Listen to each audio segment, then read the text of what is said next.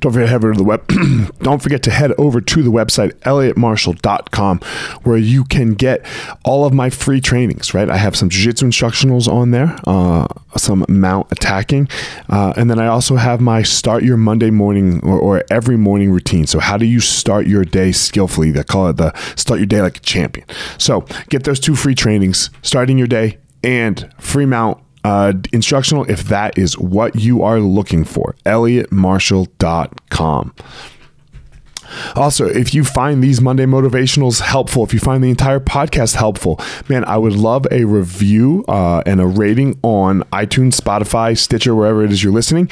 And it would be really also helpful if you could share. Um, send it to a buddy, send it to a friend who you think could also benefit from listening to the podcast, especially these short little Monday motivation, motivationals. Good morning, everyone. I hope you're doing well. Hope you're having a great day whenever, wherever it is you're listening to this. So, you know, those doubtful thoughts, you know, like when we're, we're going to do something and uh, you feel really unsure of yourself, you feel uh, really scared, really nervous. Those thoughts, you know, those sentences that keep come that come up in our minds when the, when this is happening, you know, it becomes like a list of things almost I have a question for you. When those things go away, what, what list are you going to replace them with? What list are you going to replace those bad and unskillful thoughts with? How about an actual to do list? How about an actual list of things that you are going to accomplish?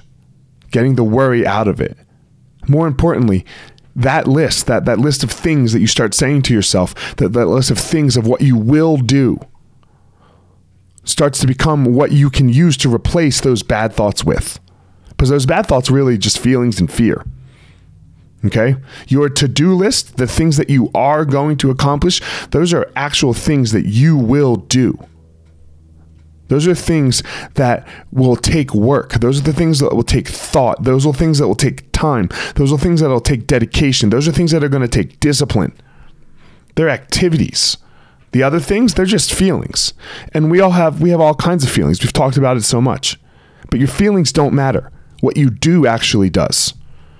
Your thoughts, like the silly little dumb thoughts, they don't matter. What you do actually does. So let's replace our feelings of our feelings and thoughts of the negativity and let's put them to to-dos. Let, let's make different lists. And when we start going down the rabbit hole of of oh my god, what if I don't, I don't know if I'm ready.